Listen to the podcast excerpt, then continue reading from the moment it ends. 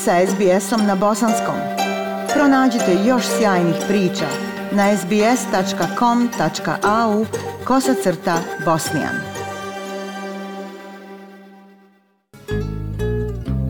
Mogu li Bože da živim još samo jedan dan? Još jednom sunce nad Bosnom da ugledam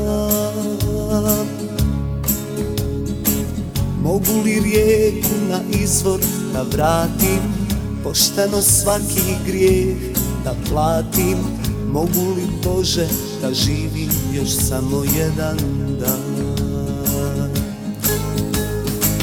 Šta mi to noćas može biti utjeha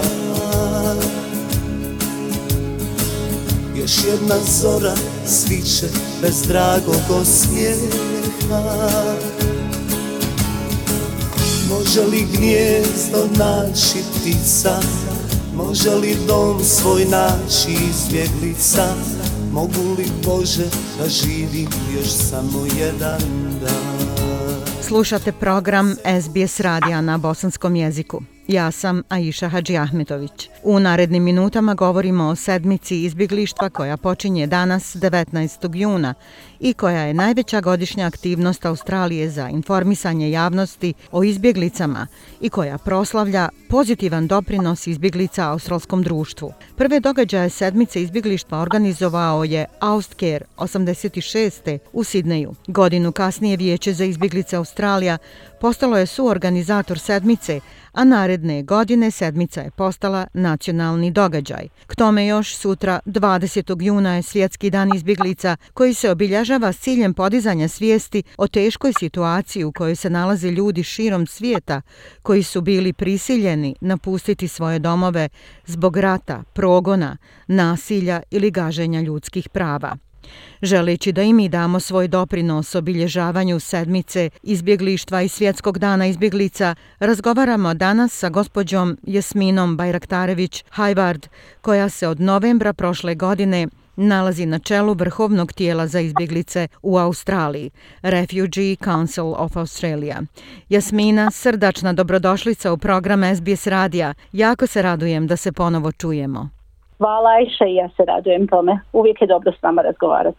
Veoma dobro se sjećam našeg prvog razgovora povodom vašeg dolaska na čelo Vijeća za izbjeglice Australije, kao trostruke radosti zbog toga što je na čelu ove organizacije prvi put postala žena, prvi put neko sa izbjegličkim iskustvom i što je to bila bosanka.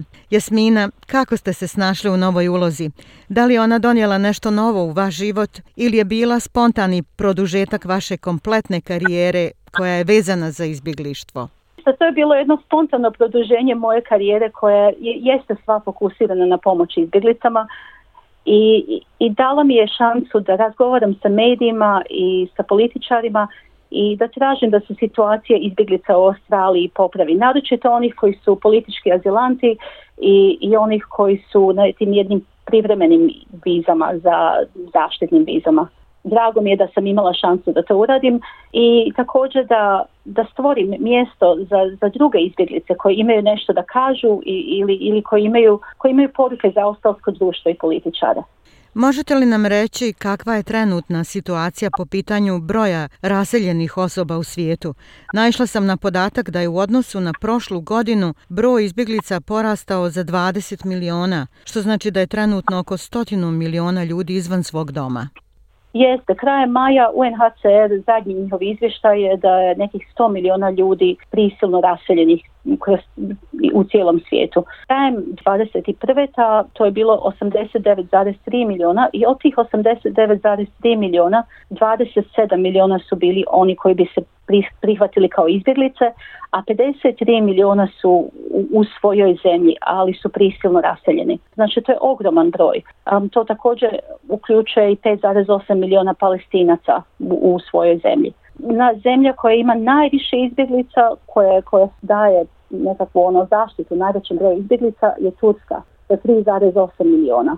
Znači više nego igdje drugo na cijelom svijetu. Poslije Turske su Uganda, Pakistan, Njemačka je na 1,3 miliona. Odakle te izbjeglice dolaze, Sirija je još uvijek najveći broj izbjeglica iz Sirije, 5,8, u 6,8 i poslije toga su Venezuela, Afganistan, Južni Sudan i Myanmar ili Burma. To je bilo krajem 21. A eto mi svi znamo da, da Rusija, invazija Rusije na Ukrajinu je donijela ne znam nekih 12,8 miliona ljudi koji su, koji su prisilno raseljeni. Nešto u Ukrajini, a nešto izvan Ukrajine.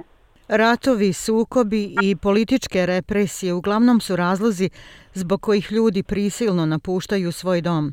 Evo rat u Ukrajini je samo u nekoliko mjeseci pokrenuo izbjeglički val koji se broji u milionima. Međutim, mm. u posljednje vrijeme i posljedice klimatskih promjena prisiljavaju ljude da odlaze od svojih ognjišta. Kakvi su vaši podaci o tome? Ponovo gledajući na, na UNHCR podatke, to je nekih 20 milijuna ljudi koji su, koji su se morali seliti zbog, zbog tih klimatskih poremećaja. Ima ih raznih zemalja i, i klimatski poređaj također izazivaju glad, a onda iz gladi dolazi i konflikt, a, zemlje koje su pogođene su ove, ove u Pacifiku, ali i zemlje u Africi kao u južnoj, ne u južnoj, u istočnoj Africi, u, u Jemenu i na drugim, u drugim zemljama.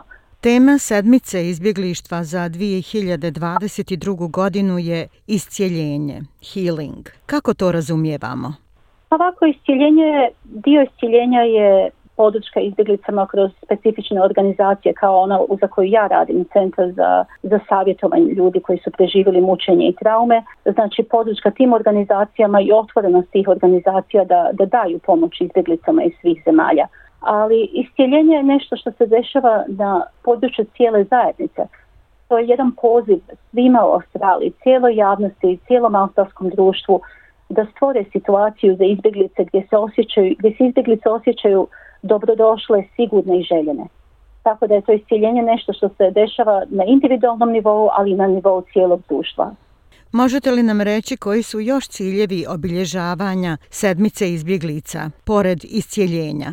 Pa, vi ste, Vajša, to već pokrili negdje u svom uvodu, ali onaj koji je meni najvažniji, jedan od najvažnijih ciljeva je, je slavljenje doprinosa izbjeglica australskom društvu, cijelom australskom društvu. I, mislim da je to nešto što, što se često ne vidi jer, uglavnom govorimo o i, o tome smo pričali zadnji put kad smo, kad smo imali ovaj intervju pričali smo o tome da kad ljudi obično vidi izbjeglice kao neke vide, vide traume, vide mučenje, vide poteškoće ali ne vide uvijek taj doprinos australskom, društvu. I mi, naša zajednica, ima puno ljudi koji su doprinijeli društvu, neki kroz, neki kroz akademiju, neki kroz muziku i umjetnost, kroz sport i, kroz, i kroz, razvoj malih biznisa i, i kroz um, pomoć drugim izbjeglicama kao, kao što sam ja imala mogućnost da uradim. Znači to je, to je neko, neka proslava doprinosa australskom društvu. Većina ljudi bosansko-hercegovačkog porijekla u Australiji došli su ovdje kao izbjeglice zbog rata u Bosni i Hercegovini 90-ih godina i skoro svako od njih će reći da je Australija najbolja zemlja na svijetu. Jasmina, i vi ste došli ovdje kao izbjeglica prije 30 godina. Da li smatrate da Australija ima dobar odnos prema izbjeglicama?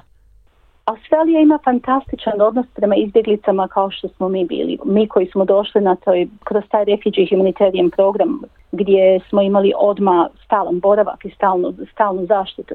Ali trenutno ima nekih 1380 ljudi koji se još uvijek nalaze na Nauru i Manus na otocima koji i, i, kad Novi Zeland i Amerika priskoče u pomoć i, i Kanada, još uvijek će biti nekih 500 ljudi ostavljenih na Manusu. I oni su tu već preko 9 godina. Imamo nekih 19.000 ljudi koji su na na tim vizama privremene zaštite. Ti ljudi ne znaju kad će moći, da, da, da li će moći u Australiji da ostanu dugoročno, ne mogu da dovedu svoje porodice i, i nemaju sva sva prava koje mi imamo. Znači to je neki 19.000 ljudi. Nova vlada koja je sad došla na, došla nam, krenula, je oglasila da ćemo, da ćemo se riješiti tih, tih viza, privremenih viza i da svako ko je priznat kao izbjeglica u Australiji, bez obzira na to kako je došao u Australiju, ima pravo na jednu stalnu, stalnu zaštitu. Također imamo 30.000 ljudi koji su tu kao azilanti koji čekaju da se njihove, njihove situacije razmotre. Neki čekaju godinama i dok čekaju većina nemaju pravo ni na, kakvu financijsku pomoć niti pomoć da nađu posao. Znači, mnogo njih samo se oslanjaju na te neke organizacije koje im pomažu manje više kroz milostinu i kroz njihove zajednice. Znači, fantastična zemlja, me, mislim, ja sam stvarno dobila svu pomoć koju sam trebala. Fantastična zemlja za nas koji smo došli um, sa stalnim vizama, puno teže za ljude koji su na privremenim vizama i koji su azilanti još uvijek. Australskim humanitarnim programom dominirale su dvije tekuće krize u posljednjih 12 mjeseci, pad Afganistana i ruska invazija Ukrajine. Kako gledate na australski odgovor? Kad je afganistanska situacija počela, australski odgovor je bio prilično spor, ali sad smo zadovoljni time što su oglasili um, nekih 16.500 mjesta za, za ljude iz Afganistana tokom četiri godine. Mi se nadamo da će nova vlada podići izbjeglička mjesta, znači od 13.750 koje smo naslijedili od prijašnje vlade na 27.000 mjesta koje bi mi voljeli da vidimo znači svake godine, plus tih nekih dodatnih 16.500 za, za ljude iz Afganistana. Vrlo brzo smo, vrlo brzo smo reagovali na situaciju u Ukrajini i ponuđena su mjesta ljudima iz Ukrajine, ali to su još uvijek privremene vize, znači neke tri godine. Znači različita situacija što se tiče Ukrajine kad se usporedi sa situacijom u Afganistanu. Jedan problem je što, pošto mi, mediji su dominirani tim velikim krizama, izbjeglice iz drugih zemalja se osjećaju zapostavljenim i zaboravljenim, naročito oni koji dolaze.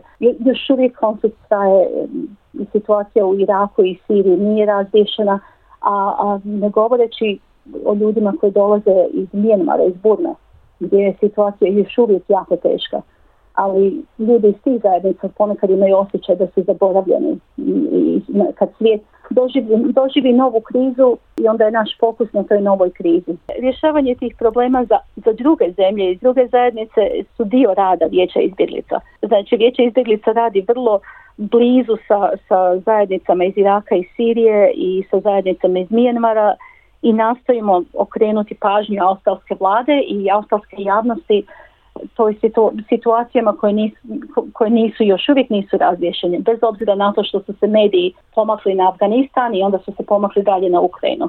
Ne možemo da zaboravimo ljude koji dolaze iz drugih zemalja gdje je situacija još teška. Jasmina, šta biste poručili ljudima bosansko-hercegovačke zajednice u Australiji i svim našim slušaocima? Pa, poručila bi da, da način na koji je Australija otvorila svoje srce i svoje ruke nama iz bosansko-hercegovačke zajednice kad smo mi preživljavali svoje traume, da, da mi iz ove naše zajednice otvorimo svoje srce i svoje ruke izbjeglicama iz svih zemalja svijeta koji i svima koji su preživjeli takve teškoće kao što smo mi preživjeli. Da otvorimo svoje ruke i svoje srce i da, da dajemo svoje razumijevanje i pomognemo koliko god možemo ljudima iz um, Afganistana, iz Ukrajine, iz Burme, iz Iraka, Sirije i drugih zemalja koje proživljavaju ono što smo mi proživljavali 90. 1990. Jasmina, hvala vam na ovom razgovoru i na prekrasnoj poruci. Želim vam puno uspjeha u daljem radu i puno uspjeha u vašoj borbi za svijet koje će biti bolje i pravednije mjesto. Hvala vam, Ajša, hvala na razgovoru. SBS na bosanskom. Podijelite naše priče preko Facebooka. Želite poslušati još ovakvih priča? Slušajte preko Apple podcasta, Google podcasta, Spotify ili kako god da primate svoje podcastove.